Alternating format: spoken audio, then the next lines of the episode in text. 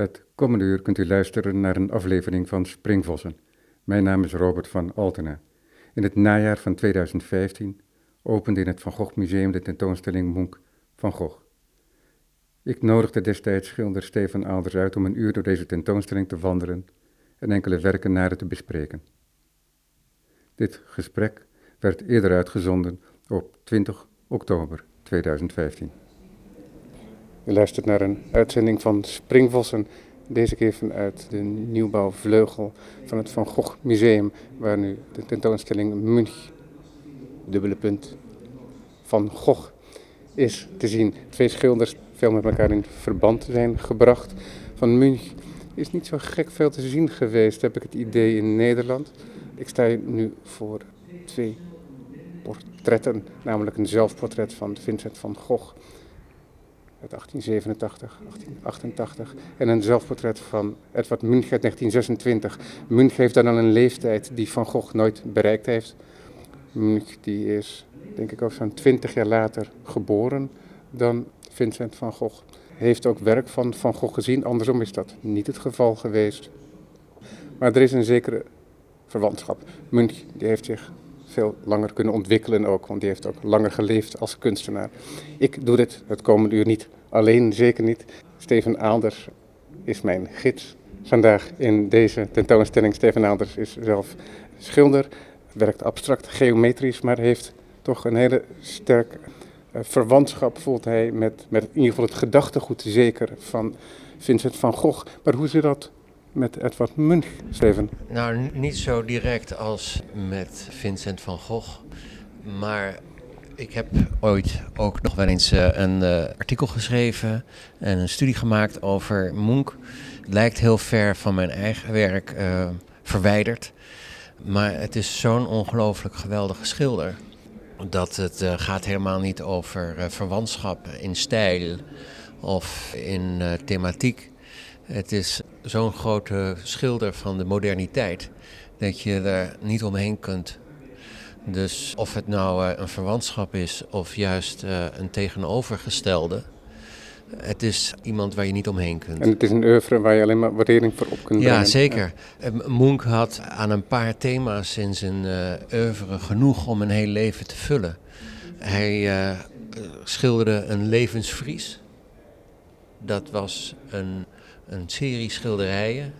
Eigenlijk alle schilderijen die hij schilderde, die plaatste hij in dat vries. En dat vries was heel letterlijk boven aan de rand van zijn atelier had hij die schilderijen met die verschillende thema's die handelen over leven en dood, uh, angst, allemaal uh, duistere gevoelens van de ziel die geprojecteerd werden in de natuur, waar de natuur ook een drager van was.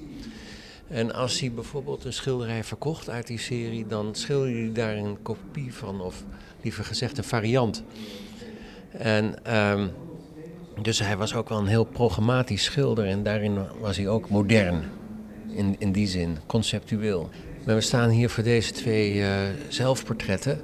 En bij zelfportretten kan je heel goed aflezen uh, de stijl. Is dat een soort poëtica in principe al, als een schilder zichzelf portretteert? Nou, voor Vincent was het bittere noodzaak, omdat hij moest modellen uh, betalen. En uh, hij schilderde anders dan Munch niet uit zijn hoofd of uit herinnering. Maar hij had echt een model voor zich nodig om een goed schilderij te maken. Omdat hij, zich, die modellen niet voorhanden waren, moest hij vaak ook gebruik maken van zijn eigen portret. Voor zijn eigen, voor zijn eigen figuur, gezicht. Maar aan de andere kant was natuurlijk ook. Het, het zelfportret is een, een klassiek motief in de schilderkunst. Denk maar aan Rembrandt. En uh, in oude tijden was het een, een soort proeven van kunnen. Een uh, bewijs van, ja, van dat iemand in staat was om een goed portret te schilderen. Dat kon je laten zien. ik denk dat bij Munch ook zeker een element van psychologie van zelfreflectie uh, meespeelde. Maar goed, figuratieve schilders, ook die nu nog figuratief schilderen, denk maar aan Marlene Dumas of zo, die uh, schilderen zichzelf. en waar je voor deze schilderijen staat van Munch en van Gogh. en je gaat onwillekeurig vergelijken, want dat is wat deze tentoonstelling toch um, toe uitnodigt. Toe uitnodigt, zonder dat dat nou direct een, een wedstrijd is, want kunst is geen wedstrijd natuurlijk. Ja. Het zijn twee heel verschillende individuen. Ook al zijn ze in de geschiedenisboeken met elkaar gelinkt door stijl en dergelijke. Maar dan zie je, wat mij opvalt, is een, eh, een groot verschil in uh, verfbehandeling natuurlijk, maar ook in licht. Dat is het eerste wat mij opvalt. Dus de behandeling van licht. Uh, bij Munch links zie je het zonlicht direct op zijn gezicht. Ja, je ziet de hogen echt op het voorhoofd, op de wangen, op de kin. Ja, precies. Het licht komt echt van voren. En uh, hier van rechtsboven in het schilderij komt het, uh, schijnt het op zijn gezicht. Hij staat als het ware in het volle licht. En ondanks een, uh, een geconcentreerde blik heeft een heel zelfverzekerde uitstraling. Bij Van Gogh komt het licht ja, een beetje van achteren, schuin achteren. Dus het grootste uh, gedeelte van het, uh, van het gezicht uh, is als het ware in de schaduw, in, aan de schaduwzijde. Ja. Ja. En dat is een ingewikkeld lichteffect. Ja, wat we ook kennen van Rembrandt. Ja, dat maakt het portret ook iets Rembrandtesk. Het is ook door die behandeling van licht eh, krijg je al een heel verschil in karakter van die twee schilderijen. Het is heel mooi dat, dat die schaduw, dat is wat Rembrandt ook, en we weten dat Van Gogh zeer beïnvloed was door Rembrandt. Misschien was dat wel zijn grootste invloed, ook al was dat zoveel eeuwen terug. Ja, hij refereert er vaak aan in zijn brieven. Precies, en hier heb je ook een typisch Rembrandtesk effect van een lichte schaduw. Eh, dus niet een, een, hele donkere schaduw, maar een, bijna een oplichtende schaduw. Het lijkt wel of het licht wat van achteren komt op het doek, op het, uh, op het, op het doek wat, waar die aan staat te schilderen, schijnt en weer reflecteert op zijn gezicht. En dat is een, een effect wat je bij Rembrandt ook vaak ziet. Ja. Uh, denk maar aan een uh, klein uh, zelfportret van Rembrandt als hij staat in zijn atelier. De jeune peintre, of de, de, de, de, schilder in zijn atelier. Waarin je ditzelfde lichteffect hebt. En daarin zie je al meteen een link met de grote Nederlandse voorganger Rembrandt.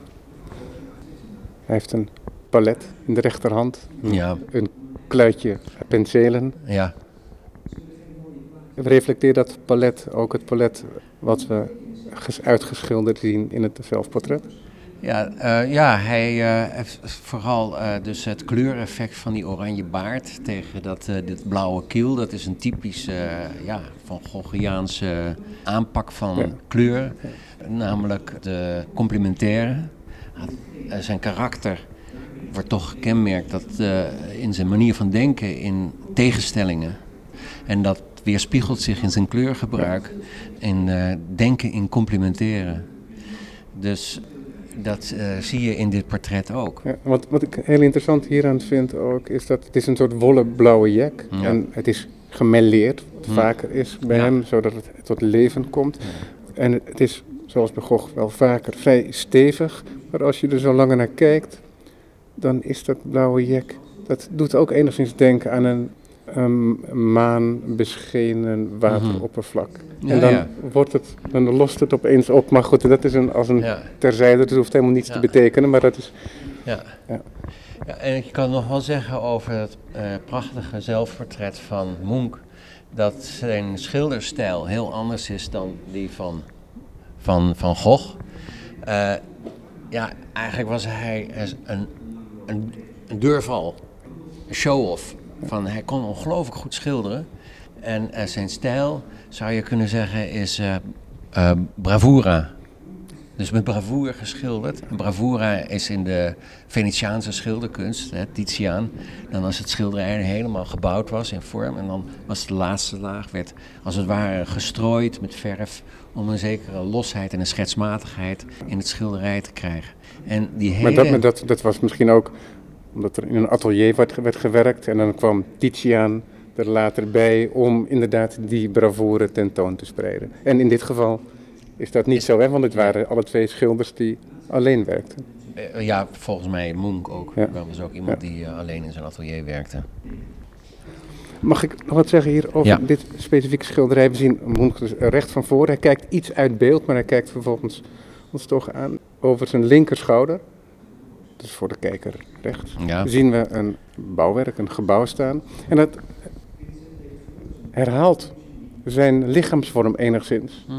Dat Ja. is een eh, gebouw met, Ja. een, met een soort dubbel dak. Mhm. Zoals je wel eens met kerken Mhm. kunt, kunt zien, alsof er een schip nog uitsteekt. En het heeft zelfs ook dezelfde kleurstelling, Ja, enigszins. Beetje zo geel-oranje van het dak, dat reflecteert het roze van zijn huidskleur. En het geel in zijn hemd, wat ook gemêleerd is met blauwen en groenen en zelfs een soort magenta, zie je ook terug in de gele Mhm. muren van dat bouwwerk. het is misschien zijn eh, atelier. Ja. Dat Omdat er namelijk eh, ramen hoog Ja. in het gebouw zitten. Die kunnen duiden op een hoog invallend eh, Ja. licht in de ruimte. En ook weer inderdaad dat portret met het palet Ja, en de, de penselen. En, maar je kunt hier wel inderdaad heel duidelijk zien wat al gezegd is nu. Dat zijn penseelvoering ja, losse. meer- losser is. Los en meer, vloeiend. meer bravoure vertoont. Dat zijn de eerste twee schilderijen Op de op tentoonstelling. de tentoonstelling. We bevinden ons eh, op de begaande grond van de nieuwbouw in, eh, in het Van Gogh. Eh, we passeren nu heel veel schilderijen en we lopen richting eigenlijk de tegenovergestelde hoek. Waarin afstekend tegen de paars geschilderde muren in een soort mintkleuren hoek is aangebracht. Waar een groot staand portret ten voeten uit van Inger in zwart en violet uit 1892 te zien is. zuster, geloof ik, van de schilder. Ja, en daarnaast hangt een portret van, ook van een vrouw van Van Gogh. Van een Italiaanse vrouw, wat zijn geliefde is geweest. Even. Ik weet niet precies, er is van die Parijse tijd ook niet zoveel bekend, omdat hij geen brieven schreef aan zijn broer in die tijd, omdat, hij, omdat ze samen woonden. Maar dat portret van Munch, het is ongelooflijk indringend schilderij. We worden recht aangekeken. Recht hè? aangekeken. En dat is ook iets van eh eh, Munch, een eigenschap. Dat de geportretteerde of de figuur op het schilderij de kijker indringend aankijkt. Als een toneelspeler, alsof hij iets wil vertellen. En soms zie je ook op de rand van het doek bijvoorbeeld nog iemand, een gezicht, die als een soort verteller van een toneelstuk de kijker aanspreekt. Ja, dat is niet alleen in de beroemde schreeuw het geval. Nee, dat maar komt, maar herhaalde malen voor. Precies. Maar hier heb je ook iemand die eh, zeer prominent en zeer dwingend eigenlijk ons aankijkt. En En nadrukkelijk binnen het kader eh, blijft. Er is heel duidelijk een ruimte aangegeven. Hoewel met hele eenvoudige middelen. Er is een vloer, er loopt een soort horizonlijn. Dat is het raakvlak. Tussen, een raaklijn tussen een muur die in blauwen is opgezet met gewassen wit en een soort roestbruin op de vloer. En daar steekt zij, daar zweeft zij enigszins boven, Ja, omdat waar het voeten is- ook niet. Nee, het, is- het zweeft een Ja, beetje in ja, de ruimte, zoals eh, bij bijvoorbeeld eh, in mijn schilderij van Velasquez dat ook zo is.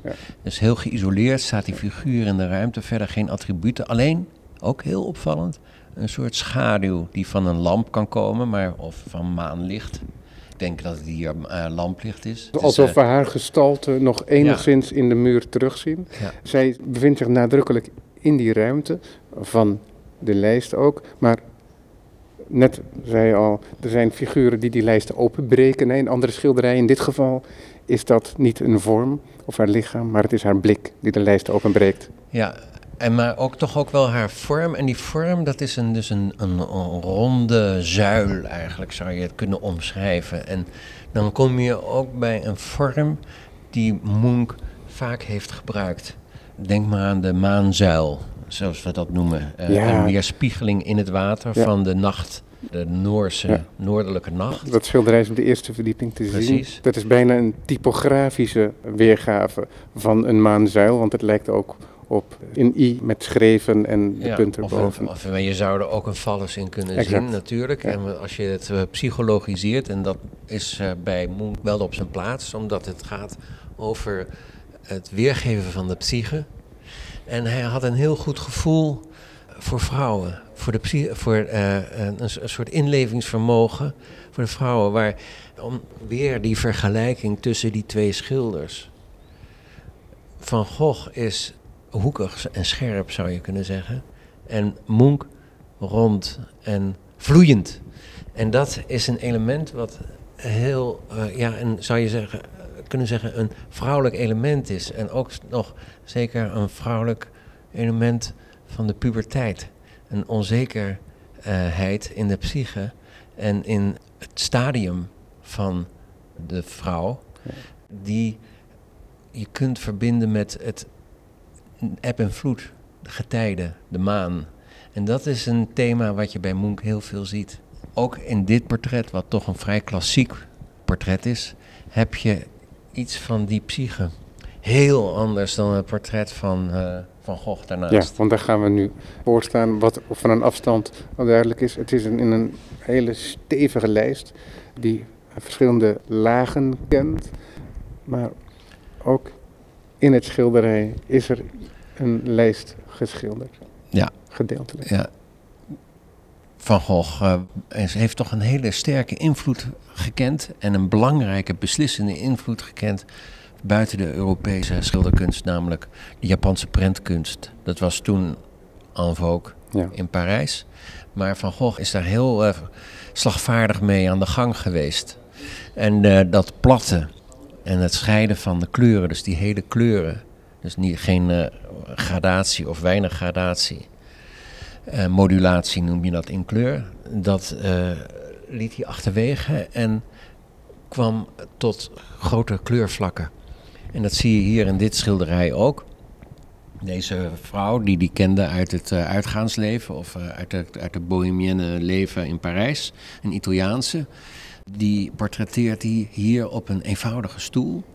Een hoek zit daarin van eh, leuning, waar ze tegen, tegenaan leunt. Of, eh, waar- Een, ja, een verticaal en een horizontaal die Ja. elkaar kruisen en met een kleine oversteek. Precies, een, eh, een, een, een sterke hoek. En die wordt beantwoord in de lijst met een asymmetrisch, dus niet aan alle kanten, maar alleen aan boven en aan de rechterkant ook een lijst als het ware. En dat geeft een heel modern en nieuw element in de schilderkunst. Eh, dus uit die zogenaamd primitieve kunst van die Japanse houtsnedes kwam dus een, een sterke vernieuwing in de, in de schilderkunst. En ook de achtergrond is heel sterk eh, van kleur. Het doet bijna denken hè, aan Byzantijnse kunst met Ja, ingelegd goud, Ja. met goudblad. Ja. Het Zo rijk is dat geel achter Ja. de Italiaanse. precies. En eh, die achtergronden van Van Gogh, daarmee heeft hij altijd geprobeerd om daar nog een extra laag in het portret te brengen. Dus eh, het is niet een, een alleen maar een ruimte, maar ook een zekere karakterisering of een extra eh, laag op een half decoratieve manier, maar dat toch een heel sprekend en een hele originele wending geeft aan het portret. Zoals je dat ook ziet bij de berceuse boven. Of helemaal op het eind met de korenaren als achtergrond. Dat kunnen we misschien nog zo meteen nog Ja, even gaan precies. bekijken. Wat heel mooi is, is dat ook in de toets, hè, er is een soort horizontale Ja, kwast eh, waarmee een ritme is aangebracht en een verticaal Ja. op de verticale drager van de stoel. En dat verbindt die stoel ook met die lijsten. Ja. Dus er wordt heel duidelijk een. Die dame wordt heel duidelijk in een constructie neerge- neergezet. Ja. Je zou zelfs kunnen zeggen dat haar schort, jurk of is het een tafel, die, eh, dat is het waarschijnlijk veel eerder, een tafelkleed. Het is moeilijk Ik te denk- duiden, hè? ik het zou alle twee kunnen eh, zijn. Ik denk dat het een eh, schort is Ja. of een, een jurk, een Ja. rok. Ja, waar ook weer die haakvorm voortdurend terugkomt. Die je eigenlijk ook in die twee lijsten ziet. Waardoor er een soort cirkelgang ontstaat. Ja. Ja. Mooi. Heel opvallend ook hoe je, je sprak net al in het zelfportret over het licht. Mhm. Het zelfportret van Van Gogh. En ook hier zie je een gereflecteerd licht in het gezicht. En dat wordt dan niet specifiek met wit aangegeven of met een gradatie lichtere toon van dezelfde kleur. Maar dat wo- dat wordt met een andere kleur aangegeven. En in dit geval is dat een kleur die bijna lijkt ergens op de kleur van de wand waar eh, de zus van Ja. Munch op te zien is. Ja. Dat is een soort mintgroen bijna. ja. ja. Prachtig doek hè. Schitterend. Collectie En uit het je museum die d'Orsay. prachtige kop. Hè? En het is niet geïdealiseerd. En een, een- toch een beetje een loensende blik. En een, eh, ja, een, brutale, een brutale uitdrukking. Ja. Maar heel mooi, edel weergegeven in die schitterende constructie en kleur. Sterk contrasterende kleuren. En als je dit nou met elkaar zou vergelijken, dit is een beetje raar ook. Er is dat leeftijdsverschil. Dat schilderij van Van Gogh is uit 1887. En dat schilderij van uh, is uit 1892. Dus het Ja, vrij dicht op ja. elkaar. Ja, Wat wel een verschil is, is dat Munch inderdaad al een getalenteerd jong was. En al sneller eh, zijn kunstenaarscarrière omarmde. ja. ja, een hele andere ontwikkeling. Maar het is moeilijk om te vergelijken. Dat is een, ook een beetje wel een punt in deze tentoonstelling. Eh, los van het feit dat het hele schitterende werken bij elkaar zijn gebracht. Maar naast elkaar plaatsen van, eh, dezelfde, van schilderijen die er hetzelfde motief maakt niet altijd even duidelijk en brengt niet altijd even helderheid die eh, je ook wel mag verwachten. In die vergelijking. Ja, want er is een verschil tussen een motief en een thema. Eh, het motief is niet altijd hetzelfde als het thema. Dus als je portretten bij elkaar hangt, of, dan kan de, kunnen die twee schilderijen over heel andere dingen gaan. We zullen later ook boven nog wel zien dat er eh, ook motieven die eh, hetzelfde zijn, eh, toch een heel andere uitdrukking hebben en ook eigenlijk over iets anders gaan. Ja. Maar goed, dat is een, een opmerking aan de zijlijn. Precies. En die waarschijnlijk zo dadelijk nog terugkomt, want we lopen nu naar boven. Ja.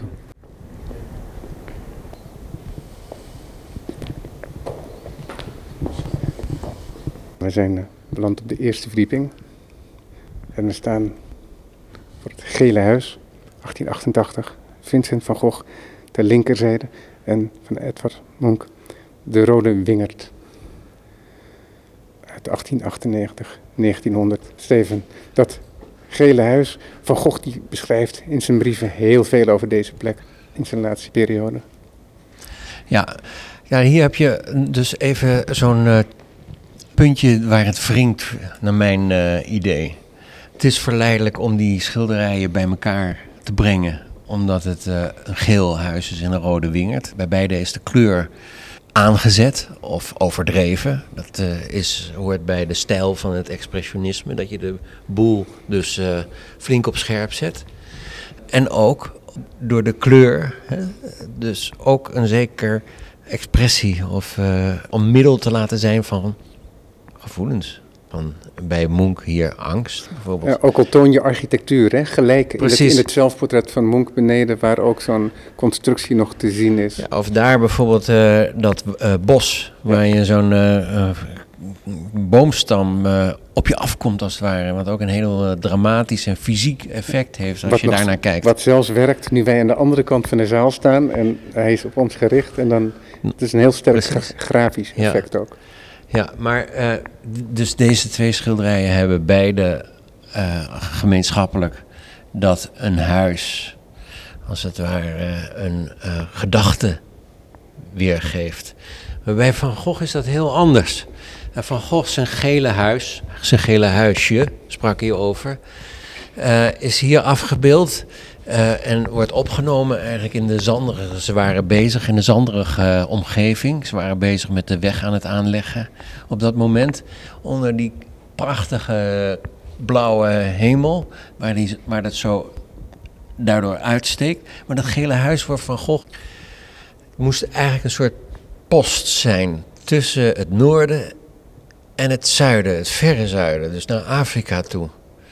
Uh, schilders die moesten naar het zuiden toe om bevrijd te worden in de kleur. Dus dat je de kleur vrij ziet, los ziet van uh, de vorm. Een bevrijding die hij zelf had ervaren. Die hij zelf had ervaren. En Arles, dus uh, de Provence, was nog maar een tussenpost voor landen als Marokko of Madagaskar. Uh, Plekken waar hij uiteindelijk nooit is geweest. Nee. Nee. Uh, maar waar hij nog wel uh, over heeft gecorrespondeerd ja. met Gauguin.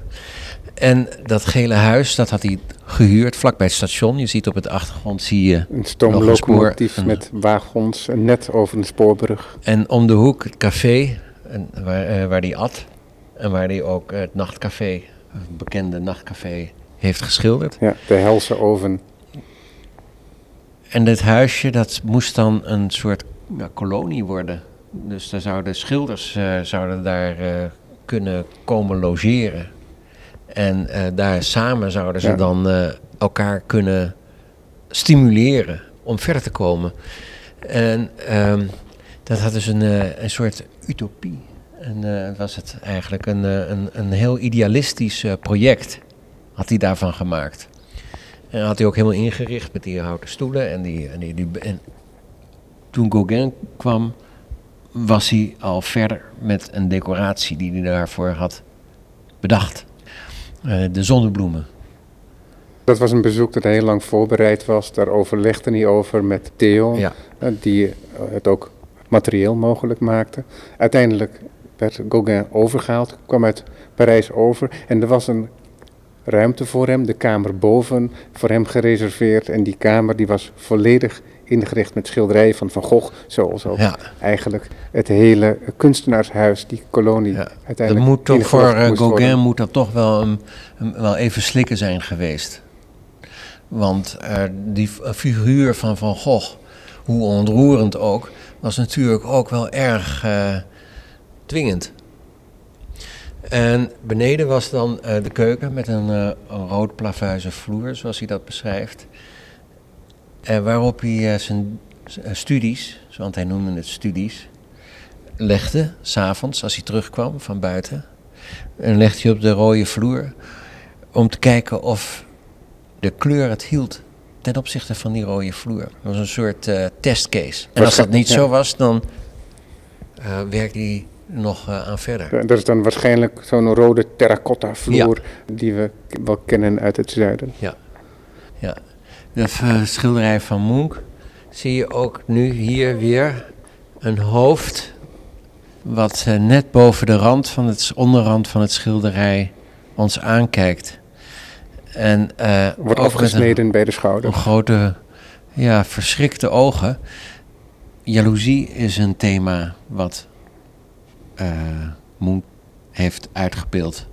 De grote kracht van Munch is misschien wel dat hij al die duistere gevoelens die iedereen kent en die, bij hemzelf, die hij bij zichzelf ook herkende, uh, dat hij die aan het licht gebracht heeft. Dus hij heeft ze geschilderd.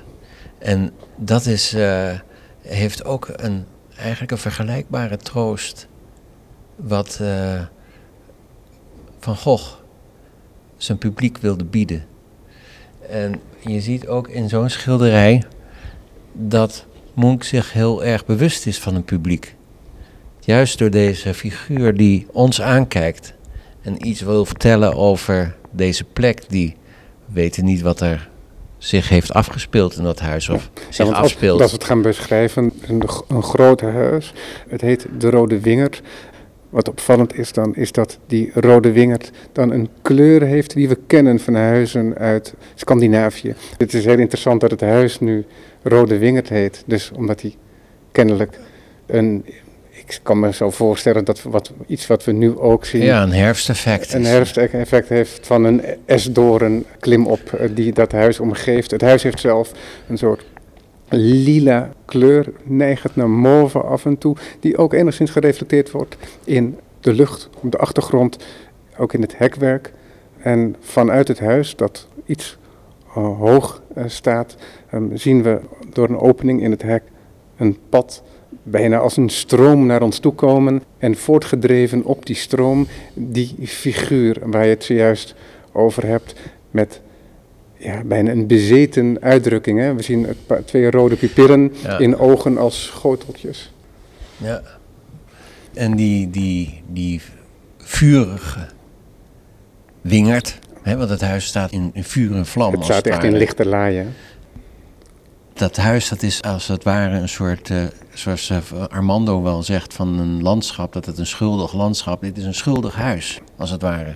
Wat mij hier aan opvalt, er is natuurlijk ook een gelijkenis met die beroemde schreeuw die hij ook vaker gemaakt heeft. Zo'n figuur, de voorgrond, ook zo'n meanderende vorm. Een meanderende vorm die we in die uh, vurige avondhemel zien hè, in, in de schreeuw. En daar lijkt het alsof de figuur, want het is geen mens, maar het is een figuur, als het ware beangstigd is door het kosmische. Want we zien heel sterk de, de avondhemel, de, de lucht.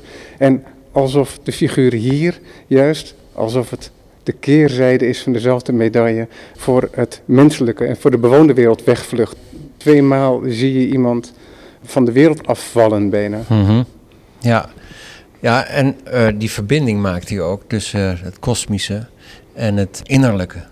Al die schilderijen die je hier om je heen ziet van die maan, die, maanzuil. En, uh, of het korenveld of het bos. Die natuur, dat is als het ware een drager van emoties. En, maar dat kan ook net zo goed. En maar uh, de wingerd is ook uh, iets wat groeit. En ook een, voor sommige mensen heeft het ook iets heel angstigs.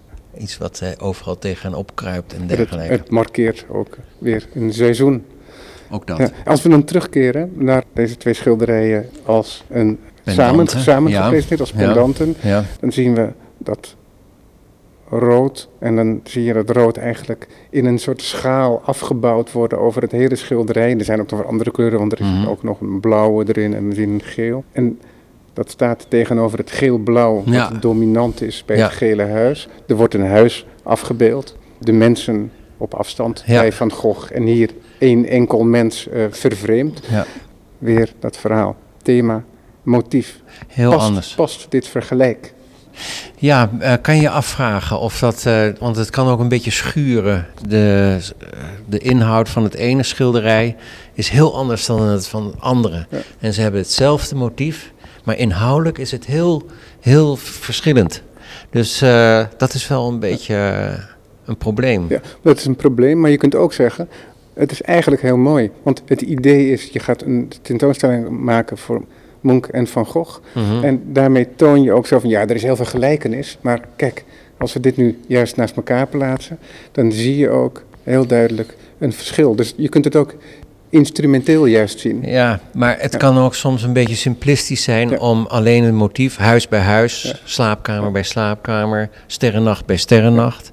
Het kan ook iets, eh, ja, iets te eenvoudigs Ja, hebben. ja, er zit een gevaar in. Hè? Ja. Ondertussen lopen we langs een rijkdom aan schilderijen. Ja, en een hier- van de mooiste schilderijen voor mij is dit schilderij van eh, een, eh, een boer. Ik heb het nooit in het eh, echt gezien en het is geweldig dat het hier hangt. Het bevindt zich in een privécollectie. Ja, het is waanzinnig van uitdrukking. Het is, het is namelijk heel plat van kleur, hè? of althans plat, eh, kleurvlakken tegen elkaar. Ja, En eh, dat, eh, die gele hoed met die oranje achtergrond en dan het blauwe eh, kiel. We hebben het over Patience Escalier, ofwel De Boer uit Maar 1888 tegelijkertijd is het ook een hele eh, studieuze uitdrukking in dat gezicht zit van die, van die boer. Ja. Het heeft ook iets, eh, ja, bijna 17e eeuws. Je zou eigenlijk kunnen zeggen dat het een 17e eeuws schilderij is, waar, Ook in de eh, kleurstellingen. waar gewoon een, een 20e eeuwse color field painter overheen is gegaan. En, en, en dat is s- stijloos. Dat is dus een puur individuele uitdrukking. Het is nu moeilijk om je in te houden, Steven, want we lopen nu echt langs heel veel. Onder andere meerdere versies van die maanzuil waar je al aan gerefereerd hebt. Ja, We lopen nu ook langs de gele boomstrook. Kijk even hoeveel tijd we nog hebben. We hebben nog een kwartiertje. Oké, nou, maar dit is wel ook erg mooi. Dit is een van de laatste schilderijen. Je ziet hoe ook in een korte tijd eh, Van Gogh eh, zich ontwikkeld heeft. Van het portret wat we eh, beneden zagen van die Italiaanse vrouw tegen die gele achtergrond, is nu een model uit de Auvers-sur-Oise. Een, een van de laatste schilderijen die hij gemaakt heeft. Waar het nog zoekend is en heel veel kleine toetsen eh, zitten in dat shirt van die vrouw, Ja. is het hier heel, hij noemt het zelf een, een, een ruw blauw met oranje stippen erop. Een gele hoed, lichtblauwe strik erop. En op de achtergrond een korenveld. Ja. En eh, er is een heel mooi fragment in een brief aan eh, Gauguin. En dan heeft hij, zegt hij, ik heb een idee. Wat vind je van dit idee? Ik maak studies van korenvelden en dat zie je dus daar rechts hangen. En het is, eh. Het is schitterend van, eh, van, eh, van kleurtoon, hè, want er zit heel weinig contrast in licht en donker in. Het is eigenlijk alleen maar op kleur is het zo, zodat het eigenlijk een heel egale gobelin is. Ja, het- en het- of zoals en- ze in de middeleeuwen ook wel een, een tapijt achter een Madonna eh, deden. En dat eh, is hier heel mooi uitgegeven. Ik doe bijna aan durer, aan Ja. durer denken. En hij is iets hoekiger uitgevoerd in het portret, de achtergrond. Ja, Waar het meandert en waar eh, de bladen van de, de korenaren nog golven in het ene schilderij, zijn ze helemaal haaks geworden. Hè? ja, ja. en Achter het boerenmeisje eigen- met gele. Ja, met mooie contouren. Ja, dit vind ik ook een van de, een van de prachtigste schilderijen uit de tentoonstelling. Dit schilderij dat deed mij dus ook denken aan Picasso. ja, Ik moet denken aan het portret van Dora Maar, hè, die vrou- Ja. de vrouw met de vishoed. ja, En ja, je kunt ongetwijfeld nog die wel an- periode keek eh. Picasso eh, heel veel naar eh, Van Gogh. Ja. Hè, dan hebben we het voor Picasso dan eind jaren 30, begin jaren Ja. 40. Ja. En daarnaast, als we dat dan toch doen, we hebben, want het is een prachtig, hè, je wordt stil van als je dit ziet. Ja, Ehm, hebben we het werk van Monk, ja. Jongeman op het strand. En eigenlijk gebeurt hier hetzelfde met dat verschil dat de jongeman op het strand een kleiner formaat is en de golven daarnaast, want we zien Een studie van golven, Ja. die je hier ziet, ja. die is dan, dan 1908. juist weer groter uitgevoerd. Ongeveer En- dezelfde tijd dat Mondriaan eh, eh, dus in Zeeland de golven schilderde. 1908, ja, Ja. precies. Het is mooi ook omdat jij net al aangaf bij dat portret waar we net langs liepen. Ja, Over een ja, Gouden Eeuw, Colorfield Painter. En dat heb je ook met Munch hè, hier, met deze studie je over... net zo goed eh, Mondriaan en Munch zou je net zo goed een, tentoonstelling kunnen maken. Ja. Ook een van de mooiste schilderijen hier, een, eh, van Munch, een eh, weg, een soort eh, driehoek, Ja. een besneeuwde weg met sneeuw. En hij was zelf ook fotograaf, Munch, dus hij fotografeerde. En een, een bekende uitspraak van hem is dat fotografie zou nooit een concurrentie kunnen zijn van de schilderkunst, omdat er nog nooit een foto is genomen in de hemel of in de hel. Dat is eh, natuurlijk de verbeelding. Ja. Eh, daarvoor is het medium schilderkunst natuurlijk geweldig. Maar hier zie je over die bravura, hè, die eh, soort Jackson Pollock-achtige manier van schilderen, dat hij die lucht helemaal tussen die bomen in, als, als een grote druppel erin Ja. schildert. En heel dramatisch is eh, die linker eh, boom die het beeldvlak uitgaat. En ook weer deze twee figuurtjes op de rand van het schilderij zijn uitsneden van een foto. Je ziet dus die verf is aangebracht als een soort, als het ware gestrooid. Ja, dan heb je het ook Eh, over de, iets wat we dan de sneeuwvlokken zouden kunnen noemen. Het zijn allemaal likken en, en klodders en, en schrapen en, en, en vegen. En het is zo dat op hetzelfde moment dat het een veeg is, is het ook beeld. En dat is magisch. Ja. We lopen nog eventjes verder hier. We lopen hier langs vrijende paadjes in het park. Het deed me toch ook enigszins denken aan eh, Gauguin. Ja, eh, met de worsteling. En dan zie je die Bretonse Ja. kapjes. En in dit geval zijn de vrijende paardjes die ook weer figuur op de voorgrond Ja. afgesneden. Met een, bonnet Ja. die bijna een halo lijkt. ja. En die halo die krijgt dan opeens betekenis, want die vrijende paardjes, dames in het wit, mannen in zwart pak, Mhm. samen een tweeënheid vormen. Mhm. Er zijn vier van die tweeënheden. Je zou kunnen zeggen pingwings, maar je zou kunnen ook kunnen zeggen, bijnaam voor de nonnen, een nonnen. En dan krijgt die halo opeens een heel andere betekenis. En we lopen namelijk nu door en dat doen we omdat we hier terecht willen komen. Een heel directe vergelijking van motief ja. en thema misschien die samenkomt hier. Sterrennacht uit Ja. 1922, 24 van Monk. Vincent van Gogh, Sterrennacht boven de Rhône uit ja. 1888. Ehm, heel anders ook weer eh, van inhoud.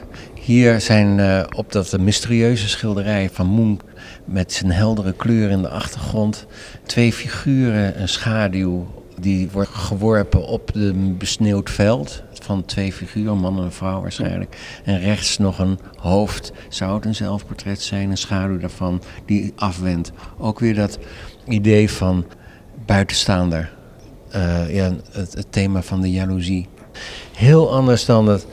Het is eh, wel een motief van, van Sterrennacht eh, bij, bij Munch. Heel anders bij Van Gogh.